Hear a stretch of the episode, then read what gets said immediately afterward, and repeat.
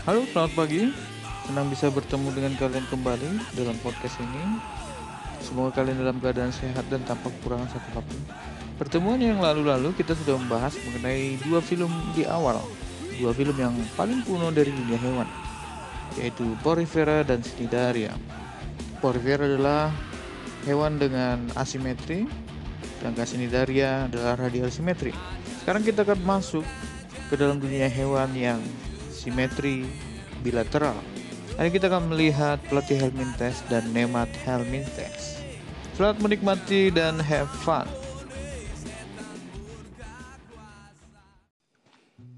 Oke, silakan buka slide yang ke-34. Sekarang kita akan memulai membahas mengenai pelatih Helminthes. Langsung saja dari namanya sudah jelas bahwa pelatih. Jadi ini adalah hewan hewan yang pipih dorsoventral dan tentunya bilateral simetris. Mari kita lihat lebih jauh apa saja karakter kunci dari pelatih Helminthes. Silakan kita lanjutkan buka slide yang ke-35. Nah, kira-kira seperti inilah dia pelatih. Salah satunya adalah planaria. Nah, karakter kunci yang dimiliki oleh pelatih adalah dia sudah uh, lebih modern daripada Snidar ya, karena dia sudah mempunyai simetri tubuh yang bilateral simetri. Artinya kita hanya punya satu titik potong untuk tubuhnya supaya bisa terbagi dua menjadi dua bagian yang sama. Kemudian sudah triple plastika, artinya lapisan germinalnya itu ada tiga lapisan, endoderm, ectoderm, dan mesoderm. Yang triple plastika kan nanti dibagi atas tiga, ada acelomata, ada pseudocelomata, kemudian ada selomata. Nah, mereka ini masih acelomata belum mempunyai body cavity. Kemudian bentuk tubuhnya pipi dorsoventral ini menjadi karakter yang melekat di nama mereka yaitu plati pipi. Ya kelompok-kelompok cacing yang tidak bersegmen. Nanti kalau kita kalau kita lihat dia nanti yang bersegmen itu mulai dari Cnidaria. Eh sorry, Annelida. Mereka ini sudah mempunyai kepala, sudah mengalami cephalization kalau kita lihat tubuhnya ya seperti yang digambar ini, dia mempunyai saluran pencernaan. Kemudian nanti saluran pencernaannya nih, kalau kita lihat bagian kepalanya itu bukan kita tidak akan temukan mulut di bagian kepala. Tapi anusnya adalah mulutnya. Tapi kita sudah menemukan mata di bagian kepala. Walaupun matanya masih fungsinya sangat sederhana. Oke, nah kemudian pelatih Helminthus ini nanti akan uh, dibagi atas tiga kelas utama. Slide yang ke-36. Dan nanti ada Turbellaria, Trematoda, dan Kestoda. Turbellaria ini adalah cacing cacing yang seperti uh, pla, uh, planaria. Trematoda cacing-cacing yang mempunyai sakar penghisap dan bentuknya seperti daun. Kemudian Kestoda, Kestos, Kestos sikat pinggang ya kan? Inilah cacing-cacing yang pipih tapi panjang. Sehingga dia akan membentuk seperti ikat pinggang kesto mari kita lihat satu persatu slide yang ke-37 perhatikan kita masuk ke turbellaria. Salah satu contohnya adalah planaria. Turbellaria pada umumnya dia uh, hidup bebas walaupun sebagian ada yang parasit Kemudian bentuk tubuhnya itu bervariasi, oval, memanjang dan seperti daun. Kemudian kepala dengan bentuk yang jelas. Kemudian mereka ini karnivora sehingga kalau kalian ingin menangkap dan menemukan planaria, mereka ini bioindikator sehingga akan ditemukan di air yang bersih. Jadi kalian cukup membuat uh, daging di tepi air, bisa juga hati ayam ya, tepi kolam atau air apa air sungai yang yang jernih, yang bersih. Tunggu beberapa jam, maka akan banyak planaria yang akan muncul. Kenapa? Karena mereka memang karnivora, mereka pemakan daging. Ke karakter berikutnya, sistem pencernakannya itu mulutnya adalah anusnya. Oke, sehingga mulut terbuka, paring dapat dijulurkan. Nah ini anusnya sekali sekalian juga adalah faringnya. Kemudian uh, ususnya itu bercabang, gitu ya. Kemudian sistem sarafnya sistem saraf tangga tali seperti tangga tali. Kalau kalian naik apa uh, flying fox, nah kan kalian pakai tangga tali ya naiknya. Nah kira-kira seperti itulah dia uh, sistem saraf tangga tali mulai dari bagian kepala sampai ke bagian bagian ekornya. Oke. Okay. Nah, reproduksi aseksualnya adalah uh, pembelahan apa? Bisa membelah diri. Kemudian seksualnya seperti ya penjumpaan gamet jantan dan betina. Mereka ini mempunyai gaya regenerasi. Sehingga kalau kalian potong seperti di gambar, maka uh, potongan bagian kepala nanti akan tumbuh bagian ekor. Potongan bagian ekor akan tumbuh bagian kepala, begitu dia. Potongan bagian tengah akan tumbuh kepala dan bagian ekor. Satu percobaan yang sudah dilakukan oleh ISS membawa planaria ke ruang angkasa, hasil yang didapatkan terjadi mutasi yang menyebabkan pertumbuhannya menjadi berubah. Bagian kepala tumbuh kepala, bagian ekor tumbuh ekor. Terjadi kesalahan pembelahan sel. Sehingga nanti kalau kalian ketemu dengan hewan ini, nah kalian boleh coba juga untuk membelahnya dalam beberapa jam dia akan kembali membentuk sempurna. Demikianlah untuk turbelaria, kita lanjut ke trematoda. Silakan buka slide yang ke-38. Perhatikan di sana karakter-karakter dari trematoda. Dia mempunyai lubang pengisap atau saker, kemudian terletak pada ujung tubuh dan pada bagian bawah. Kemudian bentuknya pipi oval dan tidak bersilia. Dia mempunyai otot yang memanjang dan melingkar, persis seperti annelida kita lihat anti kemudian uh, sistem pencernakannya dia akan uh, mempunyai mulut yang dikelilingi oleh saker, paring dan osofagus yang pendek dan kemudian intestinumnya bercabang-cabang. Oke. Okay. Kemudian hidup parasit pada hewan lain. Nah, ini hampir hampir semua dia hidup parasit. Kemudian reproduksinya hermafrodit bisa melakukan kawin silang atau bisa melakukan kawin sendiri. Jadi hermafrodit kan ada dua.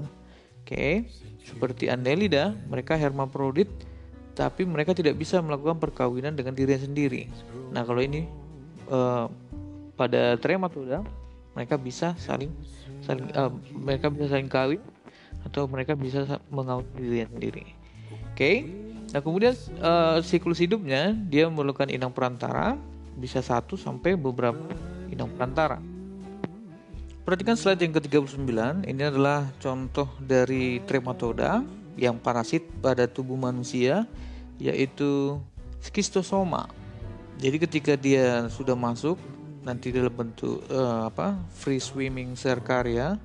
Nah, kemudian serkarianya itu bisa bisa masuk dalam tubuh dan dia akan berkembang di hati. Di hati berkembang, kemudian bertelur. Kawin dulu tentunya. Kawin kemudian bertelur. Telurnya akan akan disalurkan. Kan hati itu kan tersambung ke saluran pencernakan ya. Nah kemudian telur-telur ini akan disalurkan ke sistem pencernakan nah dari sistem pencernakan akan dikeluarkan telur tersebut ke lingkungan. Ini kenapa jamban menjadi penting bagi kita yang di daerah e, tropis. Karena penyakit-penyakit tropis itu banyak ditularkan lewat lewat feses. Sehingga sangat penting untuk mengisolasi bagian feses dari kehidupan kita yang lainnya yaitu cuci dan kakus. Sorry mandi dan cuci ini sudah saya tugaskan penggunaan jamban itu apa jadi kalian sudah tahu ya bahwa jamban itu itu adalah satu perlengkapan kesehatan yang fungsinya untuk menghentikan penularan organisme-organisme yang parasit pada tubuh manusia yang dikeluarkan lewat feses. Kemudian telur yang setelah dibuangnya akan keluar dari tubuh manusia lewat feses. Kemudian di genangan air dia akan berkembang membentuk membentuk mirasidium. Kalau kita lihat dia bersidia ya. Sesuai fungsinya dia bisa berenang untuk memungkinkan dia untuk berenang kemudian menuju Inang perantaranya ya dalam hal ini skistosoma itu inang perantaranya adalah siput. Skistosoma ini masuk dalam siput dalam bentuk sporokista. Sporokista ini kemudian berkembang menjadi serkaria, serkaria yang berenang dengan dengan ekornya, kemudian bisa menembus uh, kulit dari manusia lain sehingga manusia lain bisa tertular. Begitu terus menerus sehingga jangan buang air besar sembarangan, apalagi buang air besar di genangan air. Nah, contoh lain dari Trematoda ini adalah yang juga parasit itu adalah Pascula hepatica atau yang kita sebut sebagai cacing hati. Ya siklus hidupnya kurang lebih sama. Nanti kalian bisa bandingkan. Oke sekarang kita lanjut ke yang berikutnya kelas terakhir dari pelatih Helmintes yaitu Kestoda. Silakan buka slide yang ke-40 kita masuk ke dalam kestoda yang namanya kestos ya kan ikat pinggang. Jadi dia seperti ikat pinggang. Kalau kita lihat dia pipih tapi memanjang. Ya kita lihat karakter-karakternya bentuknya bentuk tubuhnya pipi memanjang seperti ikat pinggal. Eh, ikat pinggang ya kestos. Oke nah kemudian tubuh bagian anterior itu dilengkapi dengan scolex. Ini scolex ini nanti akan dilengkapi oleh duri pengait jadi jangan kira ini adalah mulut ya, bukan. Bukan, ini bukan mulut. Jadi dia hanya fungsinya untuk melekatkan dia dengan usus. Jadi perhatikan gambar di samping ada bagian rostellum, kemudian ada hooknya. Nah ini pengaitnya kan itu ya. Kemudian ada sakernya. Sakernya itu juga fungsinya bukan menghisap sari-sari makanan dari usus, bukan. Jadi kan mereka ini hidup di usus sehingga apa artinya? Artinya makanan di usus itu kan sudah selesai dicerna di usul terjadi penyerapan sari-sari makanan. Artinya apa? Artinya makanan yang sudah nutrisi yang sudah ada di usus itu adalah nutrisi yang siap untuk terserap sehingga mereka tidak memerlukan sistem pencernaan sehingga mereka langsung saja menyerap makanan-makanan dan nutrisi tersebut dengan difusi dan osmosis. Tubuhnya ini nanti akan terdiri atas bagian kepala tadi sudah kita lihat, kemudian bagian leher, baru kemudian bagian proglotit. Jadi proglotit inilah segmen-segmen yang membangun tubuh dari cacing kestoda ini. Kalau kita lihat proglotit yang sudah matang, maka dia akan mempunyai sistem reproduksi yang dalam satu segmen tersebut, dalam satu proglotit tersebut ada uh, mempunyai dua uh, sel reproduktif sekaligus. Berarti di sana ada testis yang tentunya akan menghasilkan sperma, kemudian ada ovarium yang tentunya akan menghasilkan sel telur. Kemudian perhatikan bahwa mereka berada di lubang yang berdekatan antara saluran keluar dari testis dan saluran masuk dari ovarium sehingga sperma bisa keluar bisa juga dia akan masuk ke ovarium dari betina dan kemudian terjadi pembuahan kemudian dikeluarkan kembali dan menjadi telur yang sudah dibuahi membentuk zigot dan seterusnya. Bisa keluar lewat feses bisa juga dia melekat ke bagian usus yang lain. Sehingga kalau kita bisa lihat ya jadi tidak ada sistem yang rumit di sini. Satu proglotit itu adalah kantung telur dan kantung sperma. Sistem reproduksi tentunya sudah sempurna pada setiap proglotit Nah, kemudian hidupnya endoparasit pada saluran pencernaan vertebrata termasuk juga manusia kemudian memerlukan satu sampai beberapa inang perantara. Jadi saya tekankan sekali lagi bagian kepala itu fungsinya bukan untuk menghisap sari-sari makanan karena mereka tidak perlu menghisapnya. Karena sari-sari makanan yang sudah ada di usus itu sudah siap untuk langsung terserap secara di, uh, transport aktif maupun transport pasif. Nah itulah dia cerita mengenai film pelatih Helminthes. Ada tiga tadi dimulai tadi dari Turbellaria, kemudian Trematoda, kemudian Kestoda. Dan sekarang kita masuk ke film berikutnya Nematelmintes. Kira-kira apa ya yang karakter yang dimulai oleh Nematelmintes? Mari kita lihat bersama. Slide yang ke-41, nah kita masuk ke dalam Nematelmintes, satu film yang satu langkah lebih mutakhir daripada Helmintes Nematelmintes ini merupakan cacing yang cukup signifikan bagi kehidupan manusia. Mereka bisa merugikan, bisa menguntungkan. Salah satu contoh yang paling terkenal adalah Cainor habditis elegans, satu yang kita sering singkat sebagai C elegans. Cacing yang sangat membanggakan bagi dunia cacing karena dia paling banyak berkontribusi dalam dunia penelitian biologi. Makanya ketika bioteknologi kalian membahas tentang RNA interferensi, binatang yang digunakan apa? Ya, yang digunakan adalah C. elegans. Jadi nemat helminthes ini asal katanya dari nemat yang artinya gilik. Gilik tahu ya, jadi satu ujung itu runcing, satu ujung yang lainnya juga runcing. itu dia gilik.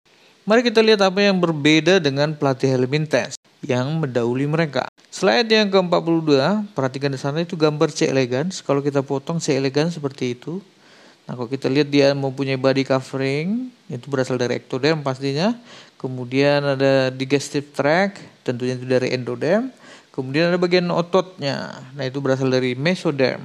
Sehingga dia pastinya sudah triploblastika. Sejak sejak kita bicara apa platyhelminthes juga kita sudah bicara mengenai triploblastika. Triploblastika sekali lagi di bagian tiga ada sel aselomata, kemudian ada pseudoselomata, kemudian terakhir kita adalah yang selomata. Nah, nematelmintes sudah lebih maju daripada platyhelminthes dalam hal ini bahwa mereka sudah pseudoselomata, satu karakter yang lebih mutakhir daripada aselomata. Jadi mereka sudah mempunyai ya, body cavity walaupun sebenarnya itu bukan body body cavity jadi mereka ini gambar eh seperti kita, lihat di gambar mereka itu uh, bulat memanjang dan dua ujungnya itu meruncing ya kira-kira seperti itu. Kalau dari pelatih Helmintes dia belum mempunyai anus dan mulut yang terpisah. Nah, eubilateria ini Nematelmintes memulai dunia hewan yang eubilateria. Sehingga Nematelmintes ke belakang nanti dia pasti eu bilateria sudah punya mulut dan sudah punya anus yang merupakan lubang yang berbeda. Mari kita lihat karakter-karakter kunci dari Matelmintes. Perhatikan slide yang ke-43. Yang pertama, Matelmintes memiliki tubuh berbentuk bulat panjang seperti benang dan ujung ujung yang meruncing. Oke. Okay. Kemudian apa yang kita lihat yang berikutnya dia sudah bilateral simetris ya jelas Mentes pun sudah bilateral simetris apalagi lah mereka. Oke. Okay. Kemudian sudah triple plastik ya platyhelminthes juga sudah triple triple plastik. Nah, apa yang dimulai? Yang dimulai adalah pseudo silomata. Ya. Kemudian biasanya mereka endoparasit pada hewan maupun tumbuhan dan ada yang hidup bebas dalam air, di tanah dan sebagainya. Oke, tubuh tidak mempunyai silia. Nah, ini yang membingungkan kita ya. Sehingga memunculkan teori baru dalam dunia hewan yaitu teori Ecdysozoa. Apa maksudnya? Jadi walaupun dia pseudoselomata, tapi dia lebih diga, uh, menurut teori tersebut dia bisa digabungkan bersama-sama dengan serangga. Kenapa? Karena mereka sama-sama mengalami molting dan sama-sama mempunyai hormon-hormon ekdisis. Tahu ya, molting itu ganti kulit gitu ya. Jadi hewa apa nematelmintes ini mereka ganti kulit seperti serangga. Nah, berdasarkan hormon ekdisis itu, kalau kita lihat struktur kimianya itu mirip sekali dengan serangga. Ini menimbulkan kebingungan juga sehingga memunculkan banyak teori yang berbeda dari yang selama ini kita kita anut. Adapun teori yang akan saya ceritakan ini adalah teori yang menyampingkan Ekdi Sojoa. Tapi kalau kalian bandingkan di Campbell, Campbell dia dimasukkan dalam Ekdi Sojoa ya kita tahu bahwa Campbell pasti selalu lebih ilmu apa ilmu-ilmunya itu adalah ilmu-ilmu yang paling mutakhir. Oke, tapi untuk lebih sederhana yang lebih sederhananya ya kita kalian bisa memilih sendiri yang mana yang lebih tepat menurut kalian gitu ya. Saya gunakan teori yang paling sederhana yaitu teori yang memisahkan antara nematelmintes dengan dunia serangga. Kemudian karakter berikutnya sistem pencerahan cacing ini sudah lengkap terdiri dari mulut dan di awal dari mulut kemudian diakhiri dengan anus. Kemudian mulut itu terdapat pada bagian anterior, sedangkan anus terdapat pada bagian posterior. Slide yang ke-40 perhatikan di sana bahwa dia sudah punya mulut, kemudian punya anus yang merupakan kloaka. Oke, nah kemudian perhatikan di sana ada otak, bagian otak walaupun itu masih otak yang sederhana, kemudian memanjang ke eh, ke bawah ke, ke ujung. Situ ada do, uh, saraf dorsal, kemudian ada saraf federal. Mereka sudah mempunyai sistem sistem uh, reproduksi yang sudah berpisah antara jantan dan betina. Kalau kita lihat ini adalah nematelmintes yang jantan. Kemudian bagian tubuhnya mengembangkan yang namanya kutikula seperti yang saya katakan tadi, dia akan mengalami ganti kulit atau molting sama seperti serangga dan kerabat-kerabat dekat serangga. Lanjut ke slide 45, perhatikan di sana. Ini adalah contoh dari Nematelmintes yang merugikan yaitu Ancylostoma. duodenale dari namanya sudah jelas ya duodenum usus 12 jari. Jadi mereka ini hidup di usus 12 jari. Perhatikan di sana yang jantan yang betina, perhatikan yang lebih besar itu yang betina. Jadi di dalam dunia hewan itu saya sering mengatakan ini bukan seksis tapi memang kenyataan seperti itu. Dalam dunia hewan banyak hewan yang betinanya itu adalah malah yang lebih yang paling dominan, yang lebih dominan daripada jantan. Nah, jantan dan betina ini akan uh, saling berkembang dan saling kawin di usus 12 jari terutamanya di usus 12 jari. Nah, kemudian telur-telur tersebut telur, uh, dia akan bertelur, telur yang sudah dibuahi tadi akan keluar lewat feses. Nah, lagi-lagi feses ya. Nah, ini sehingga uh, program jamban ini, program pembuatan jamban uh, pada waktu pemerintahan Soeharto, nah itu uh, sangat berhasil untuk mencegah banyak penyakit banyak jenis penyakit salah satunya adalah cacing tambang. Kalau kalian mau mengetahui cacing tambang itu seperti apa, coba kalian searching di Google Image. Nah, lihat di situ cacing tambang itu gimana gitu ya. Nah, sangat mengerikan ya biasanya gambar-gambarnya kok kita lihat. Telur-telur yang sudah dibuahi selanjutnya berkembang, perhatikan di sana bahwa kalau tadi dia masuknya lewat kulit, kalau ini lewat sistem pencernaan. Ingat bahwa di sistem pencernaan ada lambung yang asamnya itu luar biasa. Tingkat keasamannya sangat sangat asam sehingga besi pun bisa larut di lambung kita. Kalau kalian lihat itu uh, telurnya itu dia akan mempunyai lapisan yang sangat-sangat tebal. Ini mengantisipasi asam yang ada di lambung sehingga apabila dia bisa melewati lambung dia akan ke, uh, masuk ke usus orang lain. Nah, begitu dia seterusnya. Kemudian proses uh, pernapasannya itu masih sangat sederhana yaitu gas exchange diffusion. Jadi secara difusi saja. Slide yang ke-46, perhatikan di sana ada limfatik filariasis yang menyebabkan filariasis, penyakit filariasis atau yang kita kenal juga dengan kaki gajah atau elephantitis. Dari namanya kita tahu bahwa mereka ini hidup di e, limfa di jaringan limfa manusia. Kemudian dia menyebabkan limfa manusia itu tersumbat sehingga bisa bengkak seperti kaki gajah. Perhatikan distribusinya itu berada di daerah tropis ya, sehingga ya seperti yang saya sering katakan bahwa tropis itu selain dia mempu, apa mendapatkan energi yang banyak, kemudian di situ juga daerah subur, tentunya banyak organisme karena banyak jenis organisme beraneka ragam, keanekaragaman yang sangat tinggi, maka keanekaragaman berbagai penyakit manusia juga sangat tinggi di daerah tropis. Sehingga ya UGM contohnya itu menjadi pusat e, penyakit tropis ya. Pusat studi penyakit tropis.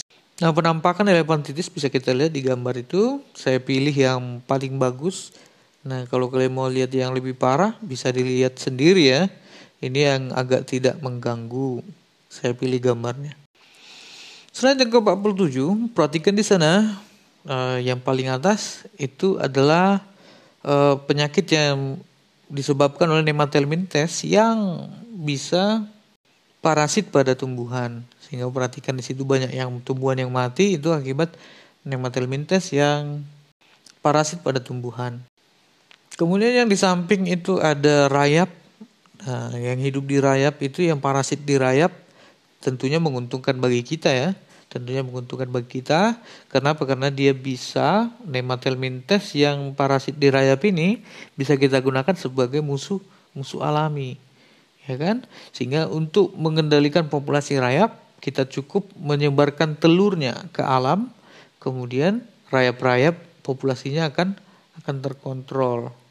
Ini yang kita sebut sebagai IPM, Integrated Pest Management. Salah satunya adalah menggunakan natural enemy, ya kan musuh alami.